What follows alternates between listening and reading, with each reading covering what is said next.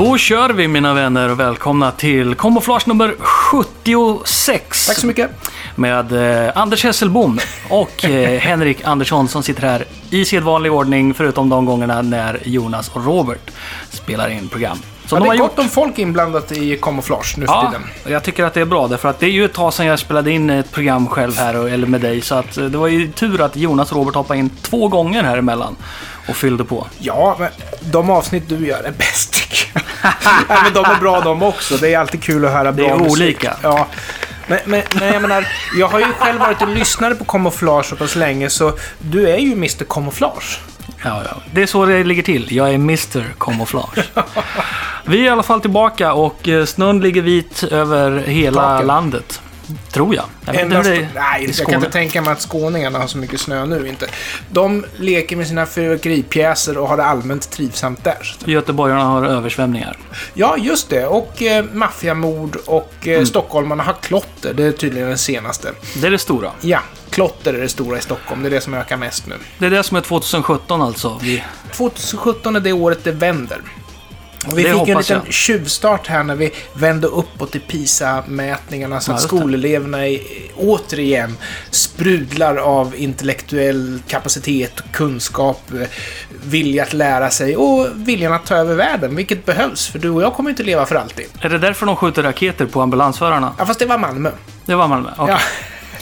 Nåväl, eh, vi ska inte tala om eh, sådana saker i kamouflage. Vi talar ju i programmet om musiken från Commodore 64. Vilket är nog så intressant, får jag säga. Absolut, det finns väldigt mycket kul att säga om det. Och vi har en, en hel räcka med bra låtar idag. Så att, Rätt bra musik den här gången. Jag tror att ni som lyssnar på det här kommer att säga, okej, C64-referenserna är all ära, men shit vilken bra musik. Ja, jag vet. Ja, jag vet. Och jag ska också säga att jag har inte valt låtarna den här gången. Det är Henrik som har valt alla låtar den här gången.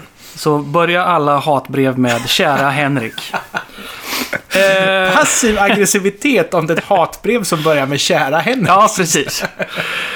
Vi har ett eh, litet tema i ungefär halva programmet idag. Vi ska nämligen tala om musiken till spelet Lazy Jones. Yahoo! Och eh, det ska vi göra så fort vi har lyssnat på en eh, låt som Alistair Brimble har eh, remixat. Det är nämligen så här att eh, det var en Kickstarter för ett tag sedan. Jaha. Om eh, en bok med, eh, om, som handlar om 64 och lite sådana där. Och jag var inte så intresserad av själva boken så jag ignorerade Kickstarten. Och visste därför inte att de hade ett stretch goal. Ja. Där Alistair Brimble skulle göra covers på låtar av Martin Galway. Och ett stretch goal, det är att om de får in mer pengar än de har begärt så gör de mer saker alltså. Exakt. Så han gjorde då en skiva, en CD, jag tror, vet inte om det var så att de till och med gjorde vinyl på den. Jaha. Som hette The Galway Works. Och 17. Och den kan du inte köpa separat. Nej. Så att så var det med den saken. Däremot finns skivan på Spotify. Och eh, när jag då fick reda på när den här kickstarten var över och allting och alltihopa, att den här skivan hade dykt upp på Spotify, tänkte jag, ja men då lyssnar jag på den. Åh herregud vilken bra skiva. Men du, jag måste fråga, många vinyler som tillverkas nu för tiden Mm. har egentligen bara en CD-master, så man kan lika gärna köpa CDn. De vinyler som är nytillverkade som verkligen är någonting att ha, det är ju de som innehåller musik kopierad från den analoga originaltejpen. Vet Ja. du hur det var gjort här? Jag har faktiskt ingen aning, men jag tror att de här killarna som ska tala om eh, de som gör kickstarterna nu, Matt Gray och, och Jeroen Tell, att eh, jag tror de liksom verkligen mastrar och gör Ja. sina låtar i typ 96 kHz Ja, ordentliga sådana. Så att det, alla de här, eh, vi ska väl inte säga övertonerna, men sådana där, eh, den bredare frekvensspannet helt Ja, enkelt precis. finns där för eh, så gör det värt för att vinyl. ja, precis. Jag ska säga det att CD är ju 44 kHz, vilket är fullgott att lyssna på. Men finessen med vinyl är ju att det är analogt, så du kan ju kräma på lite grann där. Vi har i alla fall valt ut en av låtarna från Galway Works. Jag tycker ni ska passa på att lyssna på hela skivan för att det är en absolut värd. Men Combat School är ju en av de klassiska Galway-låtarna. Alltså, alltså, spelet var ju jäkligt snyggt, men det var ju inte skitkul. Men, det var ju en alltså, arkadkonvertering. Ja, men att sitta och lyssna på låtarna, det var Martin Galway och de här feta samplingarna. Om det tog- var samplingar. Eh, ja, det fanns eh, trummor i tror jag. Men själva låten tar ju avstamp i den här gamla I wanna be your drill instructor. ja, precis. Från eh, Full Metal Jacket. Ja. Eh, Men han spacear ju ut något otroligt. Den är, den är tung, det är ett riktigt bra jävla drag i den. Vilket släpp! Och han har fått det här svänget. Jag, Ja. jag var helt hänförd av det här på den tiden, så att Ja. säga. Och det finns ju väl folk som har försökt eh, hotta upp den här låten lite för Mm. modern tid. Men Alistair Brimble bara tar den. Att hotta 100%. upp det är inte lätt. Nej, Alltså. men Och- han tar den här exakt dit Ja. den ska. Den är bara perfekt. Men då drar vi igång den nu och sen så sticker vi iväg på Lazy Jones efter det.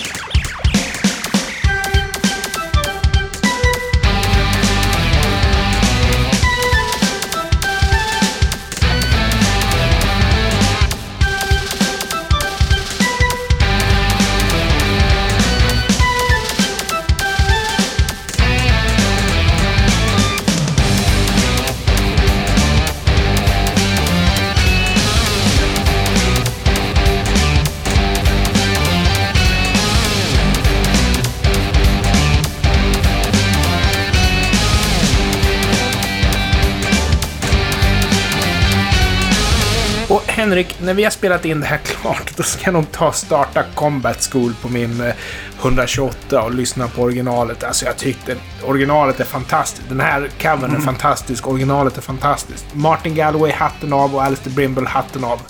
Jättebra. Superbra.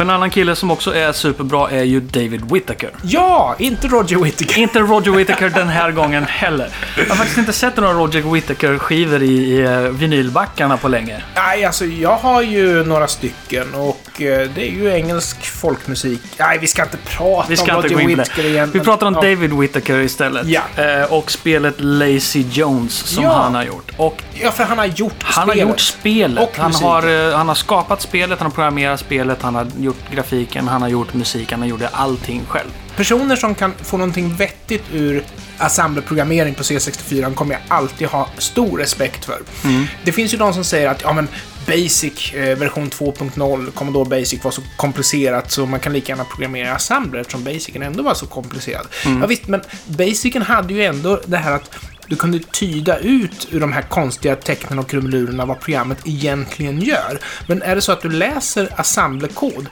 då ser du ju bara instruktioner om att flytta saker i minnet och ändra på saker i minnet. Har du ingen koll på vad minnesadresserna gör, då kan du aldrig räkna ut vad programmet gör. I Basic kan du åtminstone lära dig vad krumelurerna betyder, men i Assembler måste du slå upp alla minnesadresser. Nej, folk som kan programmera Assembler kommer alltid ha min respekt. Men nu ska du få höra något väldigt intressant om just Lazy Jones. Mm. Det var nämligen så att David Whittaker gjorde som så här att han först programmerade de här minispelen. Vi ska prata om själva spelet. Ja, för det är minispel i spelet. Det är minispel i Ja. spelet. Han programmerade först spelen i Basic, bara för att testa hur det skulle göras. Se där. Och sen konverterade han då Basic-programmen till Assembler, i princip som man sa, kommando för kommando.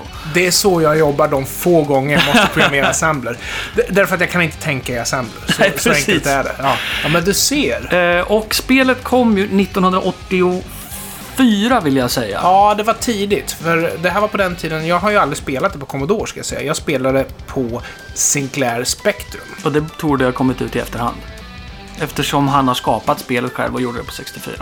Så du tror Jag vet att den inte. kom... ja, det där får vi kolla det är möjligt att han har programmerat det på Spectrum också. Det Ja. har jag faktiskt inte någon information om. Spännande, det här måste vi reda ut. För som sagt, för mig fanns aldrig Lazy Jones på Commodore, utan det var bara på Spectrum. Mhm. Och Spectrum 48K hade ju inte den här eh, fenomenala musiken som C64 har. Och anledningen till att vi tar upp spelet är ju framförallt för musiken. Mm. Därför att för oss var ju Whittaker en fantastisk musiker.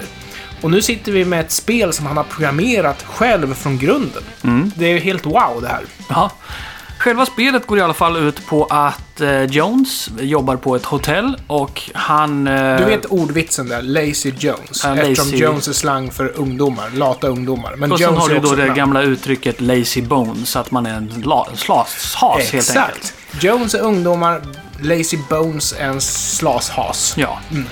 Och han vill då inte eh, göra sitt jobb utan han vill gå mellan olika rum på hotellet och spela spel. Och när han då är mellan rummen i korridoren så måste han akta sig för städvagnen. Som Ja, kanske- såklart. Ja. När jag går och rycker i dörrar på hotell så blir jag anmäld för ofredande. Ja, precis. Men han får spela spel. Ja, han får spela spel och han kan gå in i olika rum och i varje rum så är det ett litet minispel. Ja. Och eh, musiken i spelet är upplagd på det sättet att det är ett antal olika korta musiksnuttar som loopar runt, runt, runt. Alltså, referenserna haglar ju tätt här, för de här korta looparna är väl...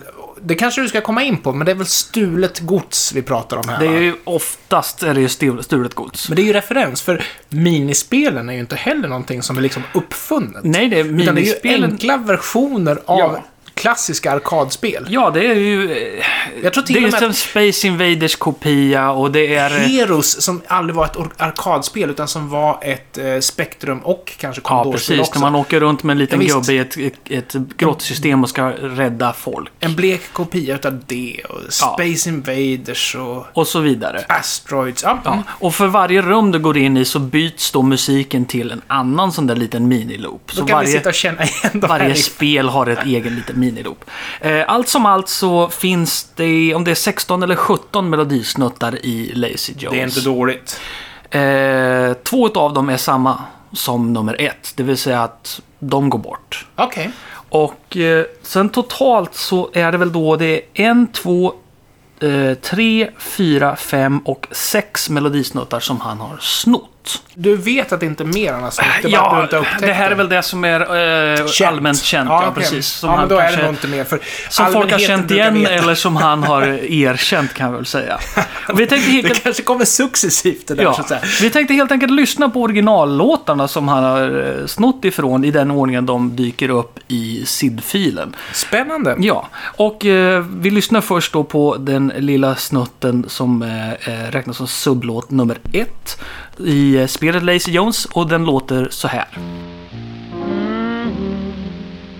Oh, you are good for nothing. Long as there was chicken gravy on your rice, everything is nice. Long as there's a watermelon on the vine, everything is fine. You got no time to work, you got no time to play. You're busy doing nothing all the livelong day. But you won't ever change, no matter what I say. You just made that way. Och det här är alltså då en melodisnutt som eh, eh enligt uppgift är stulen från artisten Hoagie Carmichaels låt Lazy Bones. Personligen så hör jag inte den här melodisnutten någonstans i låten. Så jag är inte säker på om det här är sant, men mm. Nej, jag är också lite fundersam. Kära kamouflage-lyssnare, jag brukar vara duktig på att identifiera låtstölder och sådana saker, men eh, här går jag bet. Är det så att ni hör vad det är som David Whittaker har snott?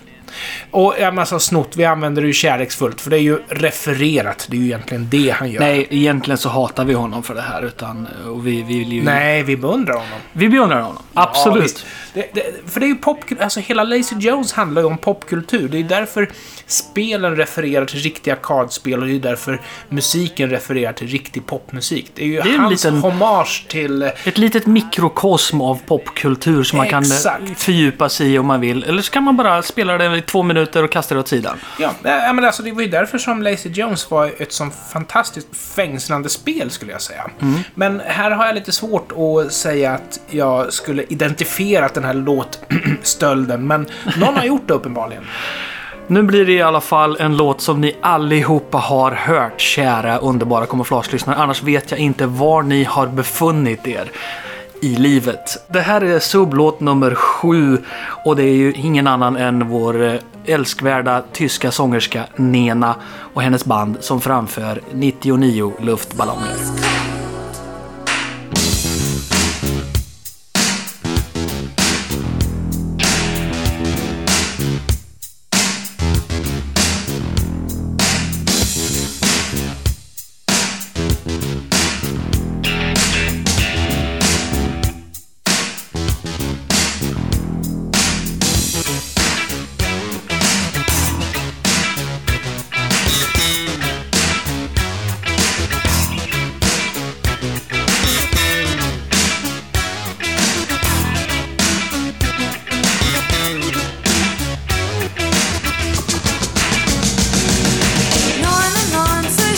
Låten, jag är ju inte någon sån här som gillar postpunk eller så, men den här låten, jag bara älskar soundet. Och jag kan lyssna på introt om och om igen. Vilket fläskigt intro. Och jag bara älskar Den här låten är Soundet, klockren från ja. början till slut. Den har, den har höga berg och djupa dalar höll jag på att säga. Men ja, det- höga berg och eh, kanske inte djupa dalar, men... Nej men den, den, den, definitivt går upp och berg. ner i tempot sådär. Ja. Och det är det som är så perfekt. Och jag gillar när de dubblar tempot emellanåt och sådär. Och, Och, och sen så, det jag älskar är ju syntbasen och elbasen som svarar varandra i introt. I tusan så och hon bra. sjunger den ju så bra. Ja, jo det gör hon. Vi valde att spela den tyska versionen för den har ju det lilla unika där. För alltså, tysk pop ska vara på tyska. Tysk pop ska vara på tyska, absolut. Och i- Men inte i USA. Där var man tvungen att spela in den på engelska. Spela in den som 99 Red Balloons. Ja, nej, men så gjorde ju svenskarna när det var Mm. schlagerfestival så sjöng man på svenska. Jag tror till och med det var en regel från början att man skulle göra det. Men sen så var man lite rädd för att det inte riktigt skulle uppskattas Mm. i Europa. Men faktum är att Europa älskar att få höra lite nationell kultur. Mm. Men det visste inte vi i Sverige. Nej, absolut inte. Och den här låten var ju också med i eh, hitlåtens historia på SVT. Ja, jag såg tyvärr inte det, tyvärr. Det var ett jättebra avsnitt. Jag tror inte Ja. det finns kvar på SVT Play. Nej, nej. Det, de har ju problem med upphovsrättsfrågor när det gäller musik. Mm. Så det brukar vara 30 dagar eller något sånt där det ligger ute när det är musik. Mm. Men eh, Nena, jag vet inte hur det är med uppsättningen i bandet, men Nena är ju åtminstone fortfarande aktiv som musiker. Åh, de, tusan. Ja då, de... Eh, Lite så Rosa Körberg ute och kör. så det gäller att eh, maximera profit från det lilla man har kanske, jag vet inte. Eh, nej, nu ska jag inte säga så. Nej, Utan jag vi, känner inte henne så jag vet inte. Vi Vi går- kanske är jätteframgångsrik. vi går vidare. Eh, här har vi ju eh, sublåt nummer 16 som låter på det här sättet.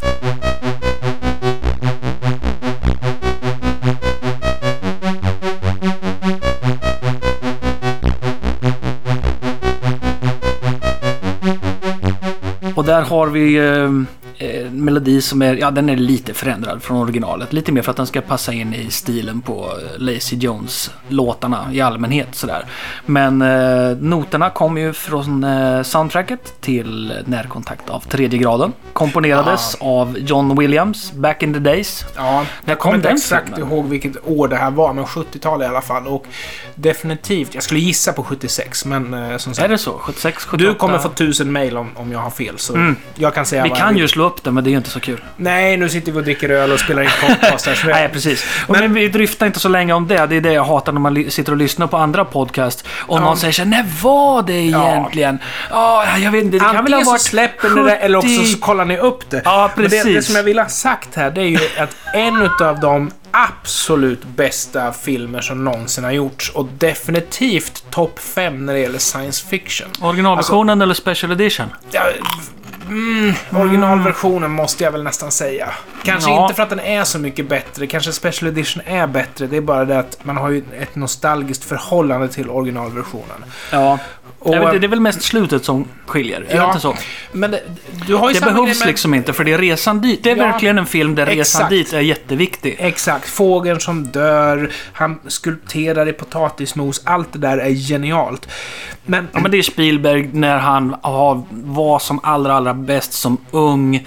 ja, Eh, fullständigt full av kreativitet. Ja. Och alla de filmerna han gjorde i den svepet där med Hajen och, Ja. och så vidare. Det, Jag- skulle säga att du har Blade Runner är ett bra exempel på där Oj. man får säga att liksom Final Cut och de här är ju egentligen bättre. Och förmodligen är det väl så med närkontakt också att eh, det är förmodligen bättre. Svårt att veta Ja. kanske. Men Blade man Runner är ju en på annan utav de här som lätt hamnar på topp 5 av de bästa science fiction-filmerna som någonsin har gjorts. Tveklöst. Jag Tveklöst. köpte ju Blu-rayen för eh, kanske ett halvår sedan och såg om den relativt nyligen. Directors Cut eller Final Cut? Jag såg Final Cut. Ja, för den är bäst. Och ja, för där har de fixat. Jag tror vi pratade om det förra gången vi gjorde program. Ja, jag kommer inte ihåg. Jag kommer ihåg att jag pratade med någon. Ja, men det kan ha varit att, Jag tror att det var vi som pratade om det. I Ja. vilket fall som helst, om du inte har sett Blade Runner, tryck på paus nu. och sen Ja. går du. Nej, men vi ska väl inte spoila den? Nej. Nej, det ska vi Men inte eh, vi ska i alla fall lyssna på eh, det spåret ur soundtracket till eh, Närkontakt av tredje graden. Ja, vi är kvar där. Just det. Ja, där eh, John Williams eh, spelar de här noterna. Och, eh, och för dig som inte har sett filmen så är det här då en sektion av filmen där eh, människorna och det utomjordiska rymdskeppet försöker att etablera en kommunikation med varandra medelst musik. De djupa tonerna är helt enkelt en rymdvarelse som spelar dem. Ja, och så försöker då människorna att uh, svara med samma toner.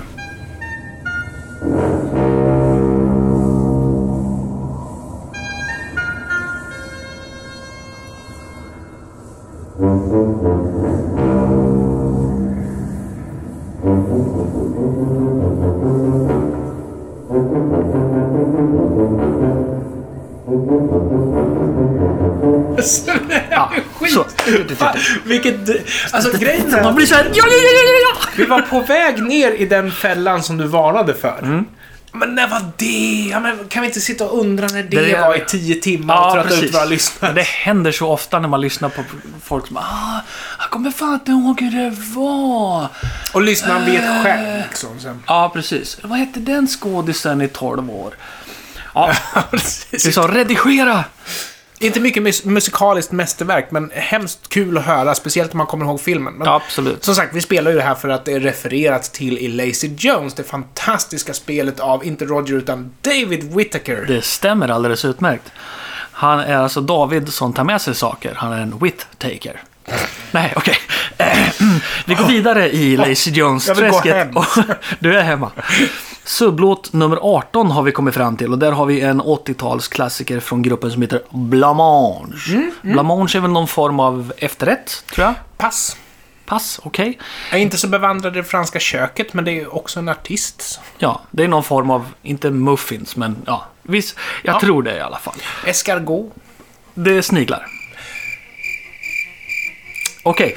Baguette. Ja, eh, den här låten heter Living on the Ceiling eh, som eh, David Whittaker har använt en liten melodisnutt från. Vi ska lyssna på eh, hur det låter i Lazy Jones när David Whittaker snor melodin till Living on the Ceiling och sen så går vi in och lyssnar på Blamange när de kör Living on the Ceiling för att höra melodin som, som den låter i originalet av Blamange med Living on the Ceiling.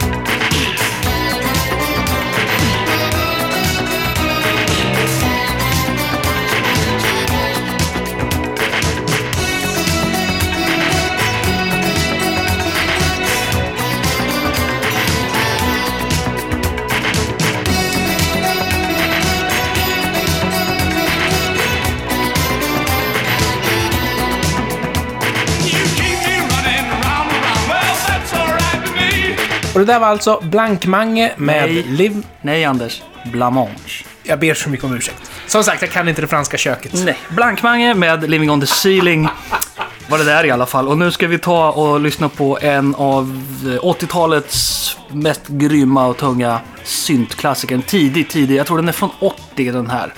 Visage. Ja, Nu är vi franskar igen här. Visage. ja.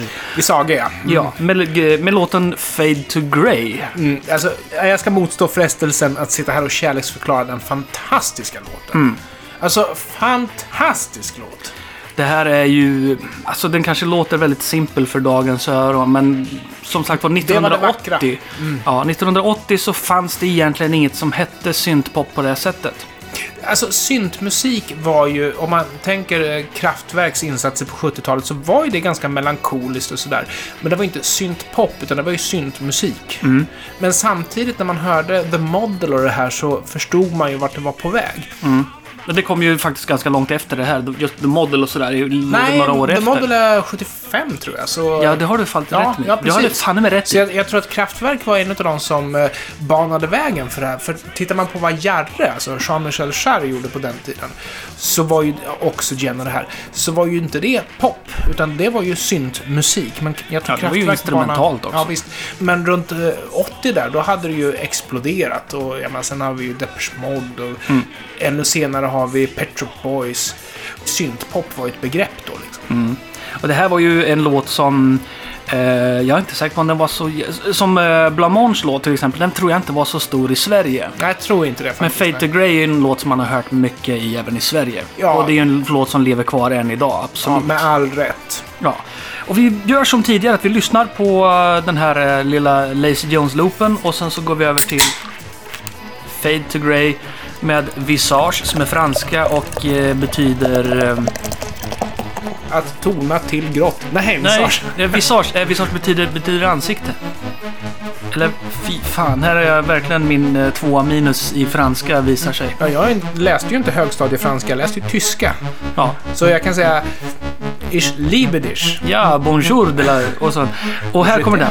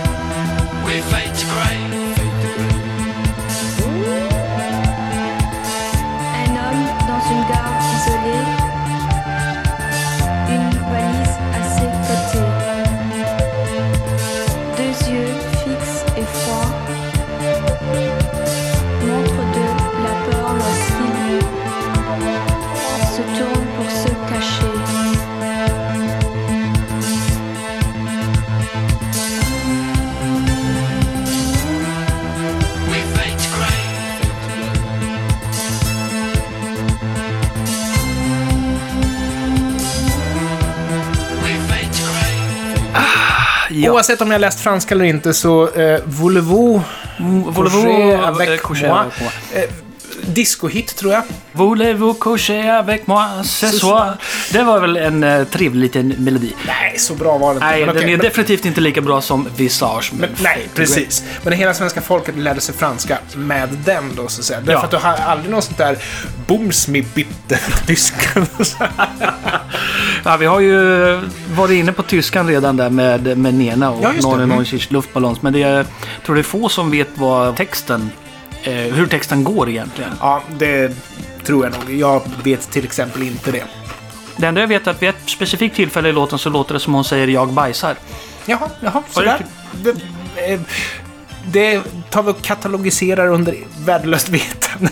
Ja. Ja. Men nu kommer det, det som Lazy Jones-musiken är mest känd för. Spännande. Och det är sublåt nummer 21 och den låter så här.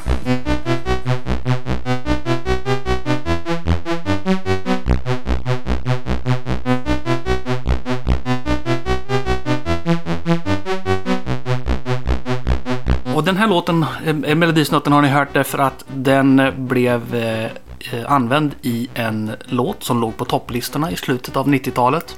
Jaha, det är tvärtom här Det är alltså. tvärtom.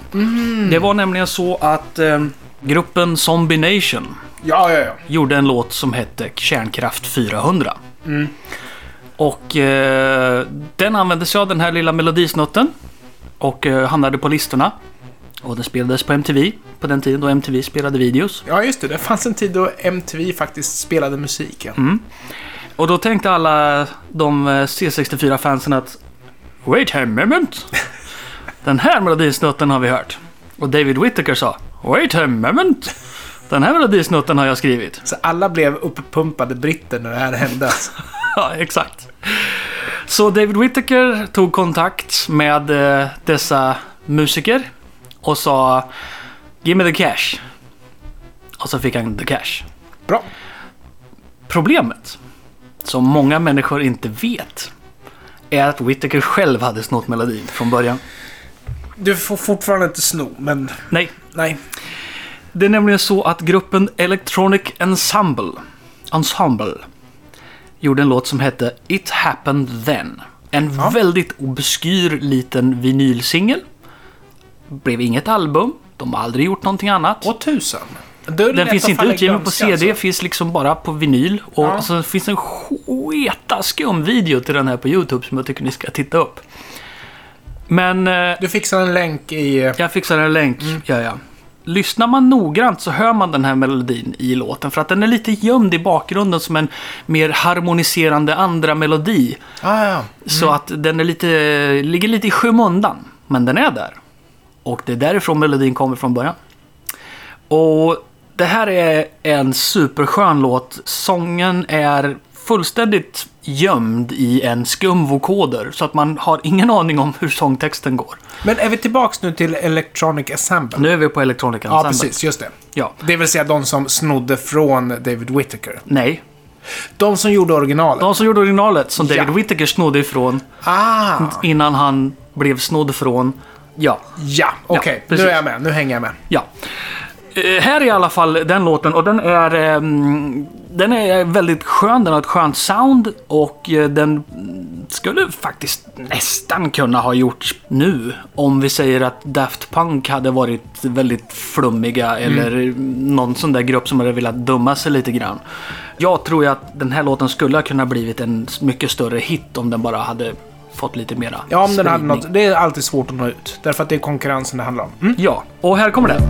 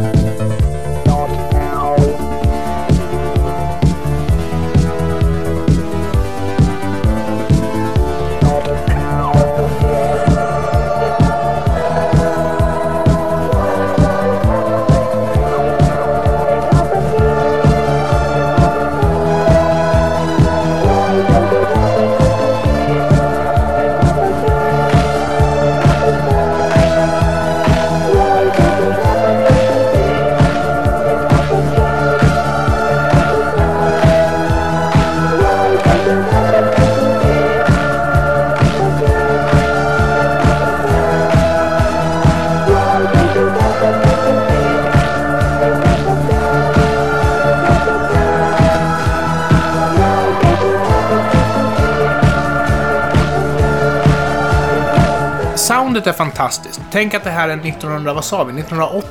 80 var den här utgiven. Fantastiskt bra ljud. Sen, sen klart, som du själv sa medan vi lyssnar här, att den är lite skum. Men fantastiskt bra.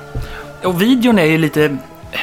Den är ju inspelad i en, eh, en tv-studio kan man säga. Och det står en snubbe lite utklädd till en rymdman och sådär. Och sen så slår han på olika tv-apparater så ser man då andra människor som sjunger i refrängen eller vad det är de gör. Och han mimar ju till den här. kolla, ja. Han mimar ju till det här. Och jag, jag har ju ingen aning om vad karln sjunger. Nej. Och i princip så skulle han kunna sjunga vad som helst. Ja, det är lite som eh, Kenny i South Park. Ja, ja precis. precis. Fast de verkar ju förstå honom. Av Ja, ja, det gör de ju. märklig anledning. Mm. Men det är som eh, C3PO och R2D2. Att vi har ingen aning, men det verkar ju som att replikerna funkar. Ja, och alla människorna förstår ju vad R2D2 säger och så vidare. Ja, men inte vi. Nej, men inte vi. Det är kanske bara du och jag. Det kanske är en grej Ja, som och alla... Han Solo och Chewbacca för den delen. Ja. Ja, så ja, är just det ju. De förstår inte heller. nej. De, man förstår inte Chewbacca, men Han Solo förstår honom. Alltså, det var så du menar? Ja. Okej. Men förstår Han Solo R2D2? Nej. Bra va? fråga. Det måste vi ringa och fråga George Lucas. Det ringer vi och eh, tar så fort vi har spelat klart det här programmet. Vi måste eh, nämna Carrie Fisher eftersom hon gick bort Ja, gud, nyligen ja. då. Ja. Och dagen efter så dog ju hennes mor också. Ja. Och det hängde väl förmodligen lite ihop, kan jag väl tänka mig. Ja, jag, jag tror inte det, men däremot så dog de av ungefär samma sak. Det var, Mm. hade nog varit lite mycket kröka där genom åren. Ja. Eh, så hjärtat gav sig väl till slut. Men jag fick höra att Carrie Fisher, han i alla fall se scenerna med henne som ung i Rogue One. Mhm, okej. Det är inte många sekunder hon är med där, men då är det ju en annan skådespelare som spelar hennes roll och sen så har de lagt på hennes ansikte. Ja, där. precis. Det var ju datoranimerat där. Det, är- jag vill, idag är inte det en spoiler längre, antar jag. Nej. Att prinsessan Leia dyker upp bara som hastigast precis i slutet av Rogue One. Eftersom, Ja, när man ju gått ut med att den utspelar sig precis före Ja. del 4 då. precis, ser du Rogue One utan att veta hur eh, Episod 4 börjar, då ska du inte gå och se Rogue One. Nej, och jag tror att den kronologiska ordningen som filmerna utspelar sig i är ju inte den ordningen man ska se dem i. Utan man ska ju se dem i den ordningen de är Mm. Stämmer. släppta. Det stämmer. Eh, vi ska inte gå in för djupt i Star Wars och det, men man kan ju säga så här också att en del funderade på att okej, nu dog Carrie Fisher, hur blir det med Episod 8? Ja, och men då den kan jag säga att hon inspelad och har, klar. ja, precis, hon har filmat klart det redan Ja. i somras. Ja, precis, precis. Det är ju väldigt lång tid från det att man filmar en sån här film till dess att den släpps. Mm. Vi har ju Tintin, alltså, som vi inte har hört speciellt mycket ifrån. Nej. Men eh, Jag vet inte hur det varit med nästa Tintin. Skulle Peter Jackson regissera den, eller hur vart Peter det? Jackson eller Steven Spielberg. Men Mm. vi pratar ju om filmandet tar väl ungefär eh, en månad och jag tror det är gjort. Sen så är ju det stora jobbet ju att sen göra filmen i Mm. Jag studion tyckte inte den förra Tintin-filmen var så mycket att hänga i Okej, julgranen. för jag tyckte den var fantastisk. Jag tyckte såg den på var bio. Det var nog jättebra. en av de första 3D-filmerna jag såg, tror jag. Ja. Jag, Efter jag hade Avatar. mitt första erfarenhet av att se 3D på bio med sån här eh, frekvensfilter då. Det var på 90-talet så var det en åkattraktion på Liseberg eller något sånt där. Att man fick se en sån 3D-film då. Hmm. Men Avatar valde jag att se 2D faktiskt. Nej. Hmm. Jo, Avatar valde jag att se 2D, men Tintin var nog en av de första 3D jag såg i den nya vågen då, så att säga. Mm. Ja, jag var inte intresserad av att se Avatar egentligen, men det var lite av eh, Ja. hypen och det. Jag tänkte att okej då, jag går väl och ser den här Ja. i alla fall. Det är ju trots allt James Cameron, men ja, nej. När vi ändå pratar film så jag ser ju fram emot eh, de nya Avatar-filmerna och det är väl 2018 och framåt som... Mm. Och det ska väl bli fyra eller fem filmer totalt, men Ja, varför... tvåan, trean, fyran tror jag det är han spelar in eh, back-to-back nu. Ja, precis. Okej. Men eh, Tintin då, var inte det precis vad man hade hoppats på av en Tintin-film? Ja. Alltså den första som vi nu har Och sett. sen är då är ju grundfrågan den hur pass mycket Tintin-franchisen egentligen har att komma med. Ja, men den har väl... Alltså det är ju en fantastisk... Nej, alltså Tintin... Kapten Haddock var ju underbar. Så, så långt kan jag ju gå. Det var Ja. ju fantastiskt. Det var ju, han var ju precis som jag ville att det skulle vara. Och jag tyckte sen- att alla karaktärer... Det var en lång actionsekvens minns jag i en stad. Ja, mot slutet där de åkte i, på vajrar. Det var jag, det, det var jag förtjust i. Men i övrigt jagade. så vet jag inte. Ja, det, jag tycker tvärtom. Jag, jag tyckte ju början höll mest Tintin-feeling, Då kan väl du se början på filmen, så ser jag slutet. Ja, precis, precis. Nej, men jag har, Så får vi en fempoängare. jag har höga förväntningar på nästa film, men jag är lite bekymrad över att jag inte har hört någonting om produktionsstatus eller något sånt där. Men när vi ändå är inne på film, innan vi lämnar det, så vill jag nämna The Man Who Killed Don Quixote, som faktiskt då är Terry Gilliams kommande film. Och Absolut. Den har ju varit haunted under längre tid, men Mm. nu kommer den verkligen. Ja, den som har koll på Terry Gilliam och eller Johnny Depp känner säkerligen till hur man tidigare har försökt göra en film om Don Quixote. Och då eh, under produktionen så hade man givetvis ett eh, behind the scenes team som skulle dokumentera inspelningen av Ja. filmen. Och allt eftersom den här produktionen kantrades med katastrof efter katastrof efter katastrof så slutade det intressant nog med att behind the scenes-teamet gjorde filmen. Filmen Lost in La Mancha handlar ju om hur det gick åt helvete för Terry Gilliam att Ja. göra en Don Quixote-film. Och det är en jättebra dokumentär. Jag har tycker inte sett se. det, men jag såg att den långfilmen finns redan. Så nu är... Och det är väl tio år sedan åtminstone Ja. det hände. Så- Men nu är han på här- banan igen. Ja, så det här har legat i produktion länge, får man säga. Sen dess har skådespelaren Don Quixote bytts ut, så att det är faktiskt ingen mindre än Michael Palin som spelar Don Quixote Oh. numera. Så de har bytt ut skådespelarteamet, men... eh, Terry Monty Gilliam- Python är tillbaka! Ja, och så säger man ju varenda gång två utav dem står i samma rum. Ja, så är det. Det här var i alla fall då eh, Lazy Jones av David Whittaker. Ja, Och eh, jag kan ju inte någonting annat än att stå på buga inför den här mannen. nej. Eh, Det här otroligt... spelet är ju ett... Alltså det, det är ju en tribute till 80-talet. Gjord när 80-talet fortfarande var som mest aktuellt och sådär. Nej men jag, jag älskar det här. Och igen, för mig är mycket av det här vi pratar om musiken nytt eftersom jag spelade Spectrum-versionen utav Lazy Jones. Så jag hade inte det på C64, men jag spelade på Spectrum. Och eh, alltså man hade ju sina favoritspel från arkadhallarna. Och man ville ju gå in i ett rum och hitta dem. Ja, men det var ju lite så. Man tittar efter en sån här titel som man hade antingen läst om i en tidning eller, eller sett i arkadhallarna och tänker att äntligen kan jag få spela det här spelet gratis.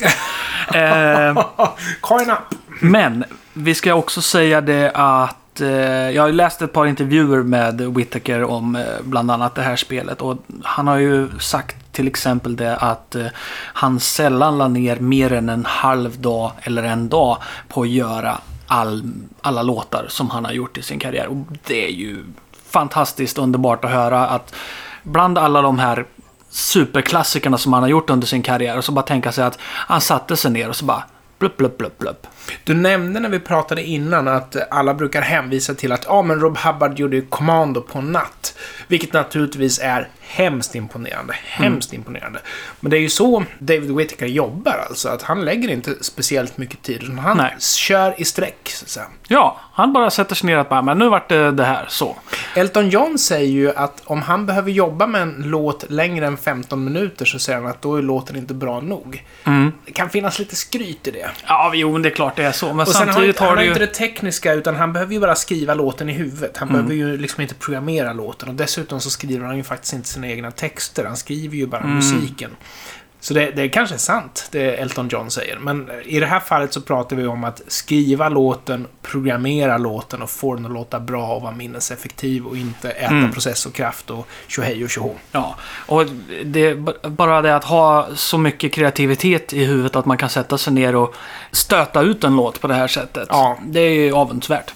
Men tror du han sitter med en keyboard först? Det Det måste minns jag inte hur det var. Jag- nämnde det i någon av intervjuerna, men det kommer Okej. jag faktiskt inte ihåg. Ja, det måste han nästan göra. Det är ju omöjligt annars. Han har ju också jobbat för många olika programvaruföretag och eh, anser sig vara blåst på pengar av de flesta. Jaha, Så att eh, han eh, har ju föredragit att jobba själv, så att säga. Ja, ja, ja. Av, av den anledningen också. Men sen har han ju... Men eh, samtidigt, får man inte en hit så får man ju inte tillbaka pengarna man har spenderat. Så Nej. Att ha ett bolag i ryggen som kanske tar en stor andel är ju ändå en trygghet. Mm.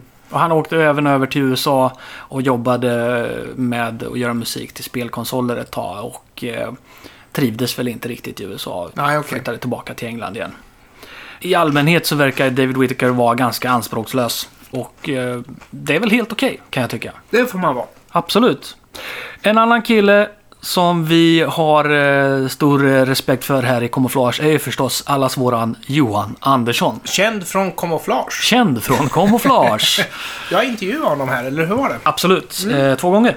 Två gånger. Två gånger har han varit med i programmet och uh, valt uh, låtlistan. Och det har alltid varit en mycket trevlig upplevelse. Han är en uh, trevlig person och gör ju förstås väldigt bra låtar. Och jag tycker han har karvat ut en egen nisch.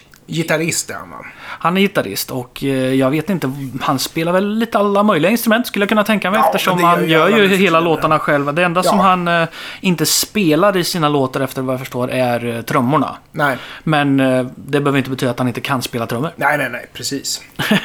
Här är i alla fall Warhawk och det är ju en Hubbard-låt. Ja, originalet är jättebra och vi satt faktiskt och lyssnade på lite Johan Andersson-musik innan vi spelade in det här och eh, Warhawk sticker ut. Dels för att Rob Hubbard skrev en fantastiskt bra låt som Johan Andersson kunde luta sig tillbaks på. Men sen så här har han fått till någonting som är unikt och det är nästan så att den går åt någon slags fusion mellan hårdrock och rockabilly. Va? Det är ju en låt som du också påpekade går i dur och moll samtidigt. Ja, den, den, går ju, den är glad Den är glad, går men den går i moll, ja. Mm. Och, och sånt tycker jag är ganska tjusigt. Jag läste en Den är intervju... så svängig liksom. Ja, precis. Jag läste en intervju Och den där lilla pianot. Ja, David Gilmore, han som tog över som sångare och låtskrivare i Pink Floyd efter att Roger Waters hoppade av. Och han har också en förkärlek ifrån muntra låtar som går i moll, eller durlåtar som har en dyster text till exempel. Och sådär. Jag gillar just fusionen mellan det. Och eh, jag tycker att Johan Andersson får till det därför att Rob Hubbards låt från början är ganska dystopisk i hur den är utformad. Men här gör eh, Johan Andersson en hurtig låt av en ganska dyster låt. Och det, det funkar jättebra. Är det inte så att det är, bland det svåraste som finns är att skriva glada låtar? Nej, jag skulle säga att det är det lättaste som finns. Är det det? Ja. ja efter vad jag förstår så är det mycket lättare att göra en låt som låter ledsamt. Ja, det är alltså, om du tänker att du sitter på en keyboard så har du ju alla vita tangenterna börja på C. Och sen så det... Är liksom, du har allt glatt finns på de där vita knapparna om du börjar på C. Så nej, jag, jag håller inte med. Okej, jag tar tillbaka det. Ja. Här kommer... Mm, gott med chips. Det var Johan, ju bra att du var medgörlig i alla fall och backade när du hade ja. fel. jag tar också lite chips, ja. jag har sällan fel. Eftersom jag rättar mig. Det är bra att podda med någon som alltid har rätt. Här kommer Johan Andersson med Warhawk. Skriven av Robert Hubbard.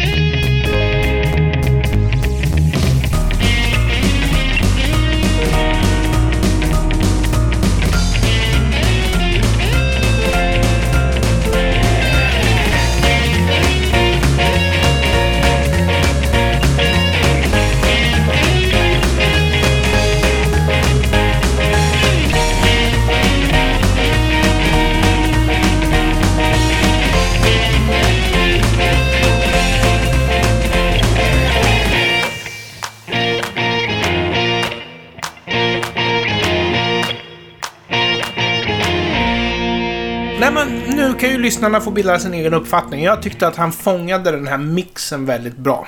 Mm. Så hatten av för Johan Andersson. Tack för att vi får spela din musik. Ja, och Rob Hubbard som eh, Jonas och Robert redan tog upp i förra avsnittet. Som nu är hedersdoktor i musik.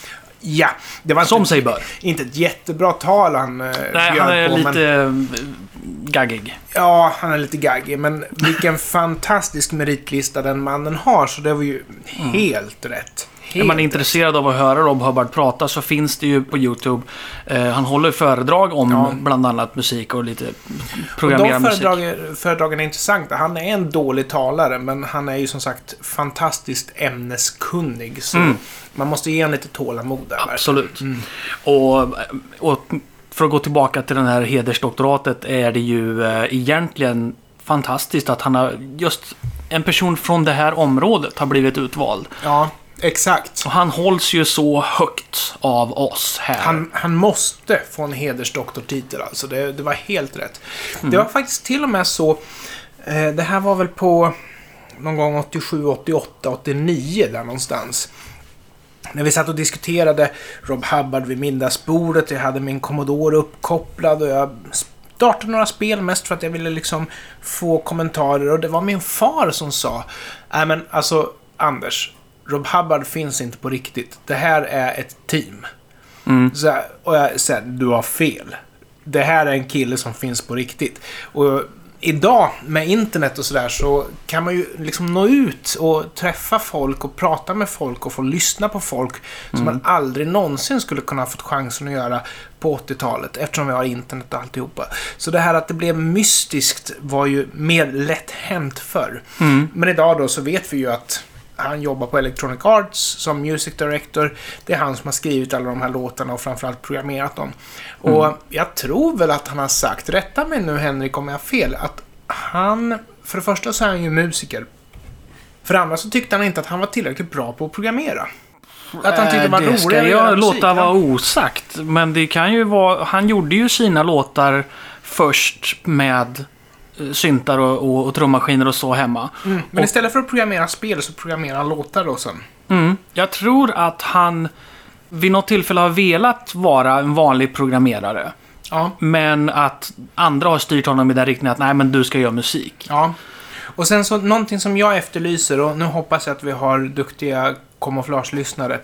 Det är den här demon som man fick med som kassett Ja, just det. om man köpte SAP 64 tror jag det var. Ja, jag minns inte var den Nej, jag minns inte någonstans. heller. Men om det är någon som har digitaliserat den så skicka gärna en länk till... Ja, nu har ni Jag bara tror att Henriks. eh, de MP3-filerna finns flyter runt. Ja, så den länken vill vi gärna ha.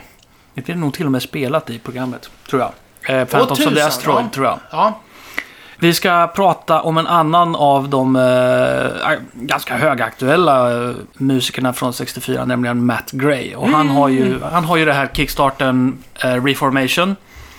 I förra avsnittet så pratade Jonas om att Last Ninja 2 skivan från eh, Reformation hade släppts. Men nu har ju faktiskt Reformation CD 1 och 2 även släppts. Och den fick ju så mycket pengar den här kickstarten så det var ju flera av de här stretch goalsen som gör att det är väl en, åtminstone tre album till som ska komma ut i det här innan de är klara. ja bra. Vinylen till Last Ninja 2 ska komma till de som har köpt den. Och man Ja. har nu lagt till ytterligare en stretch-grej bara för att få in lite mer pengar till det här. Jag har inte foundat få- det här, så jag undrar, kommer det att gå att köpa ändå?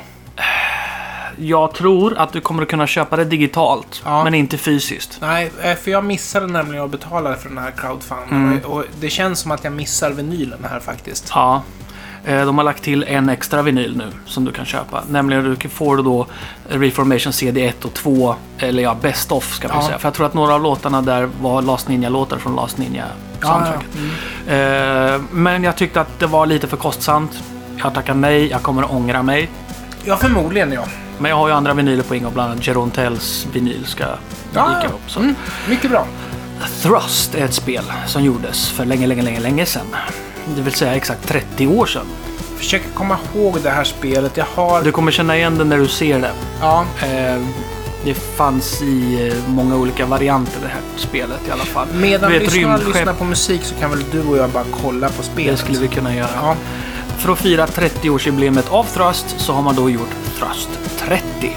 Som är en uppdaterad version av spelet. Där även då de gamla banorna finns med, men det är nya banor och ny grafik. Och helt ny musik gjord av Matt Gray. Vi ska lyssna på Matt Grays musik. Och vi ska inte riktigt lyssna på hela låten för att den är ärligt talat lite långdragen. Det är ju spelbakgrundsmusik. Ja, inte riktigt så. Och när vi har lyssnat klart på Thrust 30 då ska vi lyssna på Last Ninja 2 Central Park. Spelad av, nu ska du få höra. Thumi. Pet, Pethumi? Pet, Vad dålig du är. Vi kör Thrust 30 och eh, under tiden ni lyssnar så ska Henrik och jag kolla spelet. Och sen så återkommer vi till Last Ninja. Här kommer Matt Gray.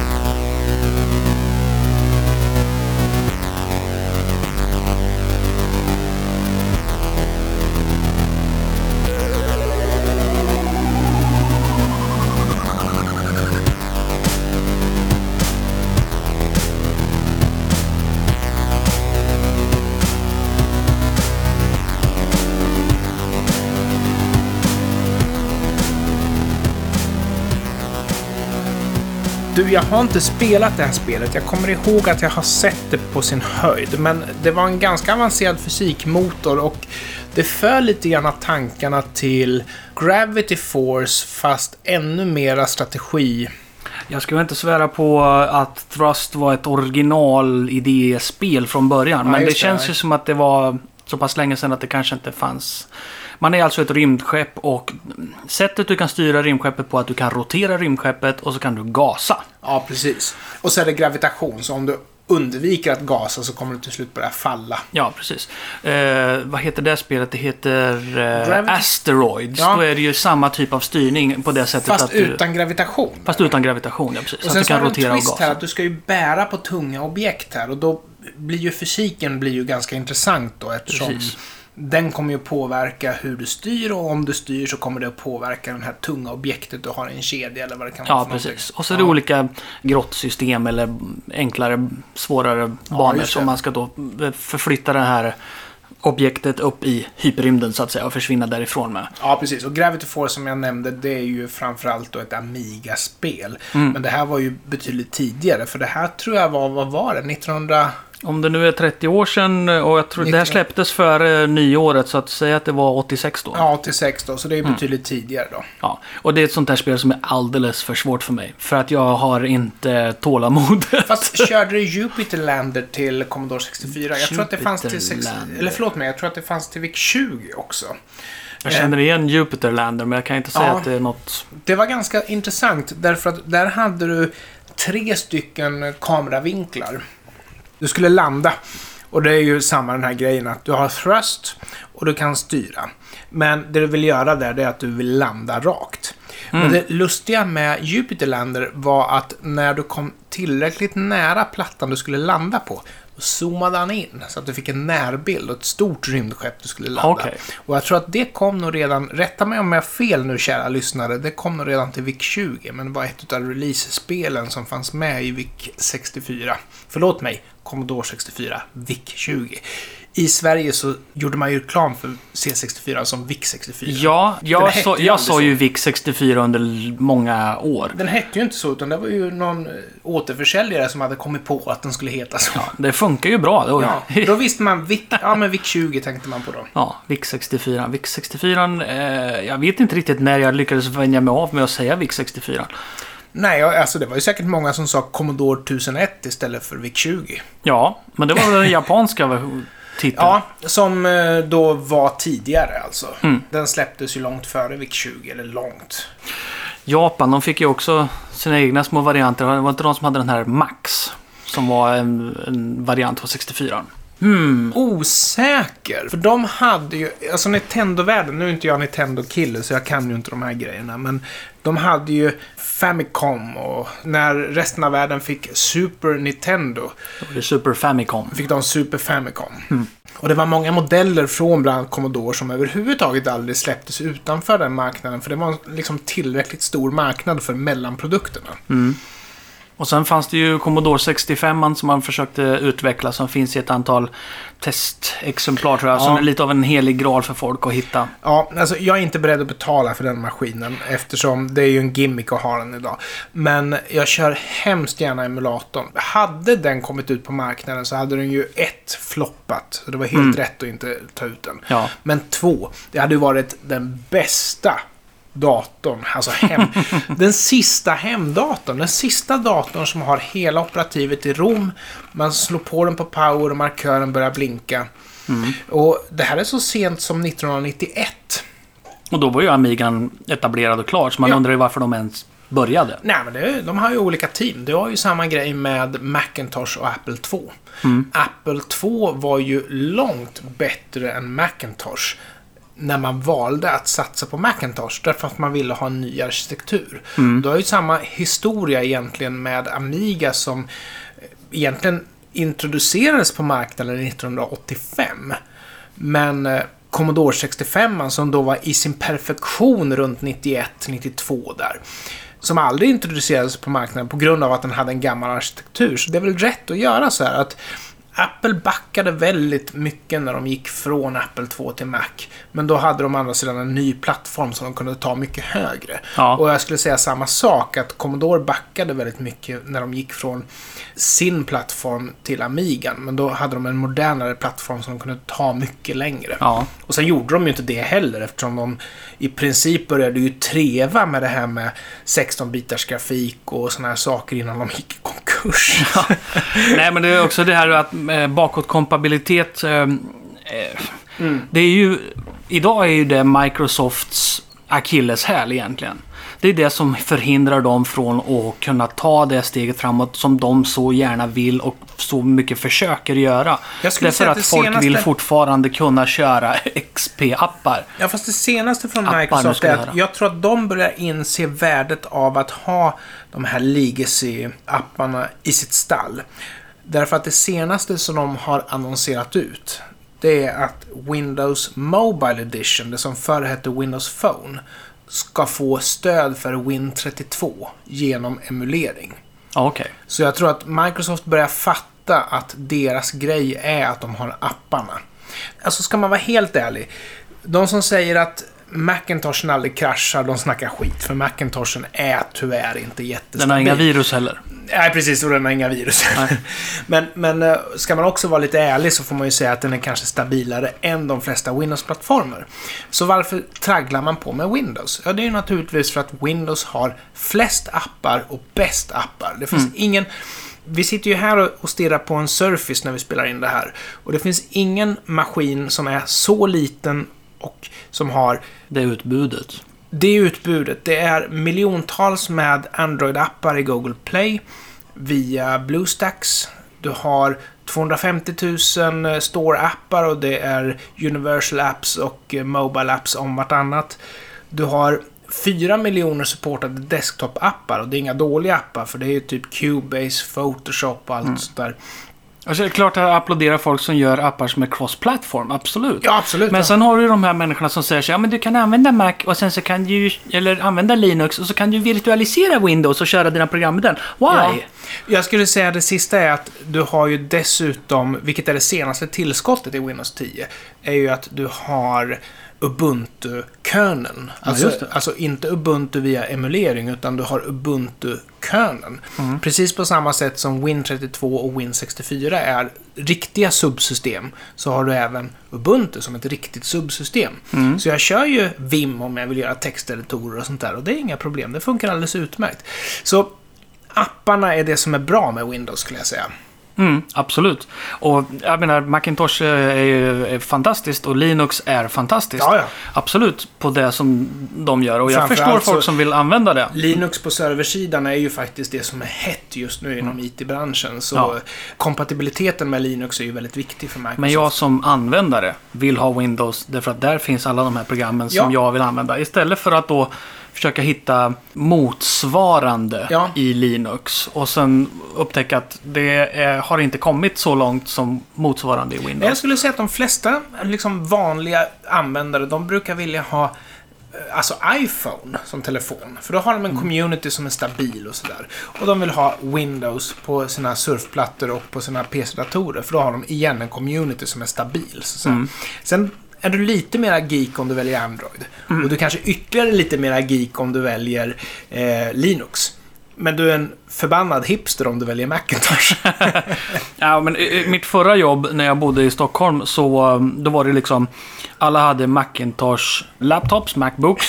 För det var det man skulle ha, Macintosh Jag säger det, laptops. de är hipsters. Ja, men programvaran som alla jobbade i Ja. funkade bara till Windows. Så att alla satt ju då med sina Macintoshar med virtualiserat Windows och körde den här appen. Och den ena killen har till och med då ett eh, full-size tangentbord kopplat till sin Macbook via Ja. USB. Som han då sitter i Windows med på ett fullstort tangentbord. Varför har du inte en stationär Windows-dator att arbeta med? Nej, men Mac är mycket bättre. Ja. Men du använder inte Mac, du använder Windows. Jag ska säga till den personens försvar så ska jag säga att Windows funkar väldigt, väldigt bra att köra på en Mac eftersom det är en PC-kompatibel maskin. Men däremot är det Windows man är på jakt efter så kanske man skulle köpa Windows. Då. Ja, det... Nåväl. Nåväl. Jag vet inte ens hur vi kom in på det här Ja, fast det ämnet. där är en hemskt rolig diskussion. Det är väldigt lätt att slinka in på den diskussionen. Ja, och, därför att det är så kul. ja, det är så kul. Och kan man reta upp någon på köpet? Men vad vi hade lovat, vi hade lovat att inte komma in på Mac kontra Windows, utan vi hade lovat att komma in på Last Ninja. Och jag måste först fråga dig, vad är din erfarenhet av att spela The Last Ninja? Eh, den första ordet jag kommer att tänka på är ju frustration. Ja, och det här har ju dryftats så många gånger. Eh, det var ju så frustrerande för att i sin påtvingade exakthet och ingen Mm. som helst liksom hjälp. Nej, och jag köpte ju inte det här spelet, men jag hade en kompis som hade kassett, alltså ett dataset. Han köpte det. Och jag kan säga att spela Lost Ninja på kassett var inte roligt. Nej, och, men det... Mycket Det var, ju, vänta. det var ju den här onödiga pixelperfekta hela tiden. Du ser en grej som glimmar, det är en sak, ett objekt du ska hämta. Så du går dit och sen så böjer du dig för att hämta. Nej. Flyttar du dig en pixel och böjer dig för att hämta. Nej. Nej, men då flyttar jag mig en annan pixel och böjer mig för att hämta. Nej, det går inte riktigt. Men här då? Det räcker liksom inte med att vara Nära. in, inte nära, inte på, utan exakt på, på det sättet som spelet har blivit inställt. Och det är så... Det finns ingen anledning till det. Men jag tänkte på det här med Monkey Island till exempel. Nu är vi inne på... Nej, PC kanske till och med. Kom det till Eh, Amiga? Monkey Island. PC i alla fall, men... För där hade du i alla fall grafik som var... Ja, eftersom det var 320 x 200 pixlar så var det förmodligen inte Amiga utan PC. För Amigan i västvärlden var ju 320 x 256 pixlar. Men där hade du vissa rum, eller något rum, där du skulle klicka på en pixel. Och det tar inte så lång tid att klicka på den första pixeln längst upp till vänster, andra pixeln längst upp till vänster och efter bara 320 klick så har du ju tagit igenom första raden. Då kan du börja klicka på liksom den. Det tar inte många timmar att göra. Och därför kom spelprogrammerarna undan med att ha hinder som var utformade på det sättet. Ja, men eh, det, om man då lyckas träffa rätt det första man gör, är spelet slut då Nej, på nej, 20 det var bara minuter? för att komma till nästa rum. Det var bara för nästa rum, okej. Ja. Det första spelet, The Secret of Monkey Island, släpptes 1990 till Amiga, MS-DOS, Atari ST och Macintosh. Ja, just det. Så det var bland annat då till Amiga också, ja. Ja. Och har ju då senare år släppts till eh, Playstation, eh, Windows, Xbox och OS X. Och Om vi- även iPhone. Jaha, så där. Nej, men om vi ändå ska prata sönder det här programmet genom att prata om Monkey Island också. Det har ju ingenting med C64 att göra, så ska jag säga att där har man ju släppt ett remasterat spel och vi var inne på det när det gäller Thrust. Ja, Alltså, Thrust och även Last 30. Ninja då som... eh, Jaha. ja, jag undrar nu om de har dragit igång den här eh, Se där! insamlingen för... Vad får vi höra nu? Eh, det här är ju... Last Ninja 1 eller 2? Det här är ju en stor gröt, kan man väl börja med att säga. Det var ju så att det var några eh, fans som skulle göra en fan-version, en upphottad Last Ninja. Ja, just det. För sånt händer ju titt som tätt. Ja. Mm. Och då så dök System 3 upp och sa Nej. Men alltså, syster. Det är så... Ska, de, ska de sälja spelet, eller vad tänker de? Ja, De eh, gav ju sig dessutom på Matt Grays eh, remix eh, Kickstart då. I och med Nej. att de menade på att han eh, använde sig av deras eh, intellectual property. Ja. Ja, IP som man säger. Vilket han faktiskt gjorde. Han använde någon logga tror jag, eller någonting i den Men stilen. det spelar roll. Det är ju inte, det är inte kommersiellt gångbart för dem. Är det det? Ja, men då var det ju så här att eh, den här fanversionen, den försvann från Ja. nätet.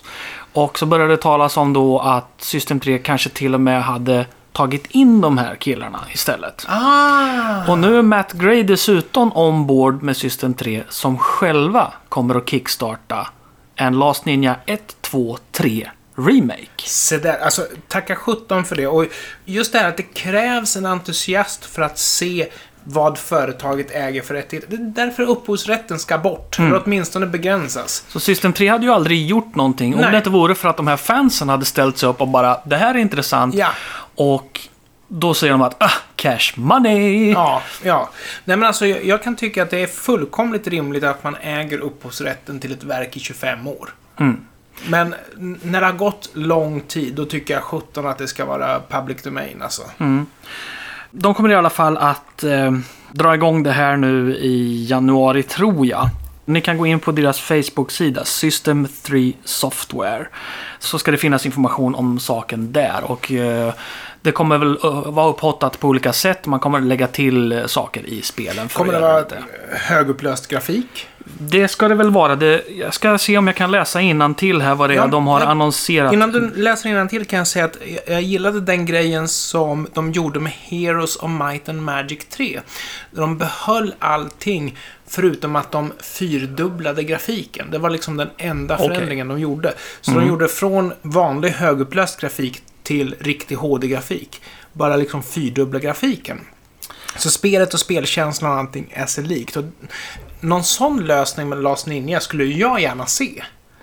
Last Ninja fyller ju 30 år nu i 2017. Ja, det är det. Det är 87 Det är så första kom ut. Ja. Och då står det så här. ehm, to celebrate that System 3 will release a remake to the Last Ninja series featuring Last Ninja 1, 2 och 3.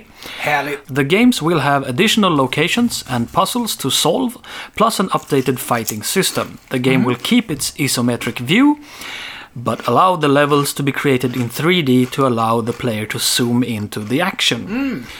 Last Ninja will be made available to crowdfunding on Kickstarter on February 28th, 2017. We will have many of the original team members working on this, including John Tweedy and Matt Gray. Härligt. Så att ehm, Så vi kan betala någon gång i, vad sa du, mars? februari är Februari, Kickstarten, så. det var då Ja. Kickstarten drar igång. Och det här kommer förmodligen sprida sig som en eld över eh, internetet. Ja, så Last att- Ninja är populärt. Alltså, Absolut. Det är ju och det, det alla verkar ha glömt bort är att spelen är i princip ospelbara. Ja, jag tänkte Och att precis det är säga det. musiken. Det är inte världens bästa spel. Alltså det är inte bara musiken, det är ju grafiken och sen så var det väl det att det, var ju, det tillförde ju någonting nytt till spelvärlden. Och Jag har ju väldigt- knappt spelat Last Ninja 3, så Nej. jag kan ju inte uttala mig om Nej. saker för att vid, vid det laget hade man ju tröttnat. Ja, men spelvärdet i Last Ninja är inte superhögt. Nej. Och det har de ju en chans att ordna nu. Hade jag spelat Last Ninja 3 så hade jag ju säkerligen varit mer eh, bekant med Ja. Ryan Oehand Ja. som gjorde musiken till Last Ninja 3. Men jag var ju väldigt förtjust i demon på, nu byter jag ämne helt här, Tomb Raider. Man styrde Laura Croft i 3D och sådär. Och jag tyckte grafiken var väl faktiskt i och för sig rätt häftig. Det var ju väldigt kantigt och sådär. Men jag, jag var väldigt förtjust i det. Men jag spelade egentligen aldrig spelet. Jag köpte det överhuvudtaget inte. Och sen blev ju det en franchise. Och jag förmodar att det blev ett bra spel till slut med alla remakes och uppdateringar och allt som kom. Ja, den första Tomb Raider var ju, alltså, då var vi, var ju, då var vi ju så tidigt i den här eh, 3D-boomen Ja. som kom. Det var där saker och ting var och sen 3D på det riktigt. eh, kantiga, liksom Ja. raka linjer på klipporna och sånt där. Och så var det en tiger som kom. Men det var ju första gången det egentligen var 3D på riktigt i Ja. full framerate ska man väl säga. Ja, precis. För det, och det var... väl inte ett dåligt spel, eh, men det var ju så tidigt i... eh, Ja. Och jag inbillar mig att den här utvecklingen, den skulle ju då System 3 nu kunna styra upp så att man kanske ökar spelvärdet i. För jag menar, de som kan man nu zooma in på banorna så kanske det går att se vilken pixel det är man ska stå på. Då är det inte bara längre en pixel, vilket är tur med tanke på att pixlar finns i massor nu för tiden. Ja, Förr var ju pixlar i multicolor-läge 160 gånger 200 stycken, vilket är en handfull. säga. men nu kan du spela sänka skepp på en 4K-skärm så ska vi se. Exakt. Exakt. Apropå det, vet du förresten om vilket medium som var först ut med HD? Det var nämligen så här att när DVD hade tagit över VHSen så hade man sin upplösning på DVDn som var ungefär vad det den klarade. Och när marknaden efterfrågade HD-filmer så var man på jakt efter någonting som kunde strömma data digitalt mycket snabbare. Det var väl VHS? De första HD-filmerna kom på VHS. Mm. DVHS. Ja. Och i, naturligtvis då inte spelbara i en vanlig VHS-spelare. Eftersom en vanlig VHS-spelare har ju en magnetimpuls som beskriver bilden. Mm. Medan de här Medan de här HD-VHS-erna, då var det ju digital information som strömmade från läshuvudet som ettor och nollor till spelaren som skickade digital bild till TVn.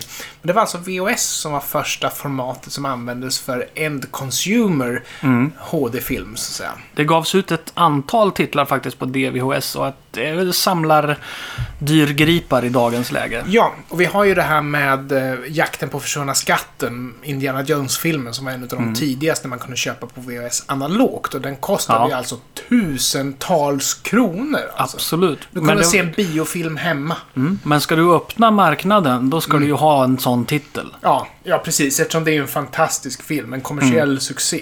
Jag tror att eh, några av de titlar som jag tror kom ut på just DVHS var ju bland annat eh, Camerons eh, Abyss, Ja, True Lies, det. Ja. sådana titlar.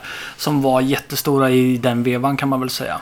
True Men- Lies var länge sedan jag såg. Fantastisk Schwarzenegger Jag såg faktiskt den rätt så nyligen, eh, såg om Jaha, den och ja. den är... Eh, Den håller. den. ja, men den håller, den är rolig. Jamie Lee Curtis, Curtis är ju um, Hon rolig. är, hon är duktig på att göra komedier. Hon är duktig på att göra komedi, Hon- men hon, hon är slav, hon är slav till manusen tror jag. Ja, det kanske hon är. Det kanske hon är. Men jag menar, hon har ju gjort en av de bästa komedierna som någonsin har gjorts. Och det är ju... En fisk som heter Called Wanda. En fisk som heter Wanda, exakt. Otroligt bra Första film. komedin där en Oscar delades ut. Till Kevin Kline för rollen som Otto. Ja, exakt, exakt. Men dessutom är det intressant eftersom det här är ju den enda långfilmen som John Cleese någonsin har gjort. Han har ju spelat i Han har många spelat i långfilmer, ja, men det som han har gjort själv. han har gjort själv. Mm. Och den var en sån fantastisk... Alltså en formidabel succé, han har också ett, eh, ett utmärkt kommentarsspår eh, finns på DVDn där han Ja. mestadels sitter bara och småskrockar för sig själv om och tycker att filmen är jätterolig. Ja, ja, visst. Med all rätt, får man säga. Och det kan man ju ta som en, en liten eh, sidogrej där på den här sidogrejen. Ja. Jag utgår från att alla sett en film heter Wanda. Det slutar ju med att han sätter sig på flygplanet med eh, Jamie Lee Curtis karaktär och de har pengarna och reser därifrån. Ja, precis. Han lämnar sin fru Ja, och sitt barn. vilket man förstår efter att ha sett filmen. Jo, Ja. men han är ju fortfarande liksom hjälten som bara lämnar sin familj bara och drar. Men alltså, en av de grejerna som jag verkligen älskade med den filmen var ju att den etablerade ju att frugan var en ragat. Ja, Ja, Sen finns det många bra John och, och Cleese-filmer. dottern för den delen. Ja, dottern för den delen. Du har ju Ursäkta, vad är klockan? Du har Otäcka odjur. Du, du har många filmer Mm. med John Cleese, men egentligen så är den enda filmen som är verkligen är sevärd med John Cleese är ju A Fish Called Wanda. Mm. Och den är så fantastiskt bra. Så fantastiskt Den är helt bra. klockren, från början till slut. Nu pratar jag inte om Monty Python, för de är ju naturligtvis... Ja, men det är- det är någonting helt separat. Ja, det är någonting helt separat. Utan vi pratar John Cleese utan Monty Python. Kommer du ihåg att vi pratade om Last Ninja? Jaha! Musiken till Last Ninja och Ja. remixats och remixats och remixats gång och, återspelats och återspelats. Och den här gången så ska vi ju lyssna på eh, från Last Ninja 2, Central Park, Ah. en låt som gjorts gång på gång på gång på gång. Förmodligen det bästa. Så Central Park från Last Ninja 2 är förmodligen det En av, ett bästa. av de absolut starkaste Ja, korten en- kan man väl ja, säga. absolut. Och den här artisten, eh, PT, H-O-M-I. Pthomi. Pthomi. Pthomi. I am Mr. Pthomi. I am Pthomi. Hej, Tokafondo! My friend, I am Pthomi. Hey my friend, I am Pthomi. Fä. Här kommer Pthomi med Last Ninja 2, Central Park, Rock and Roll, Get Down and Boogie to the Dance With the... Och här kommer den.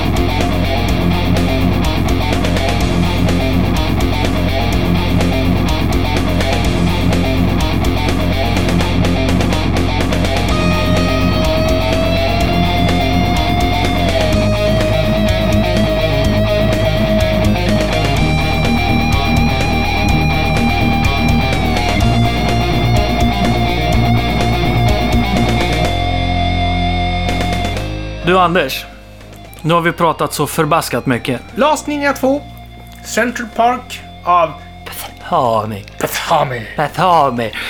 Gör sig bäst efter ett par öl. Skål och välkommen. Du Anders, nu har vi pratat så väldigt mycket. Ja, skål.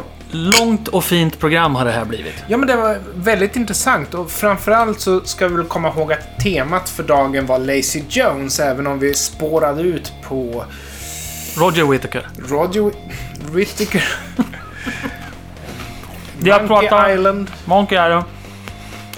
Amiga, eller eh, Commodore 65, Windows versus eh, Windows Linux versus och Mac. Linux, Mac, Apple.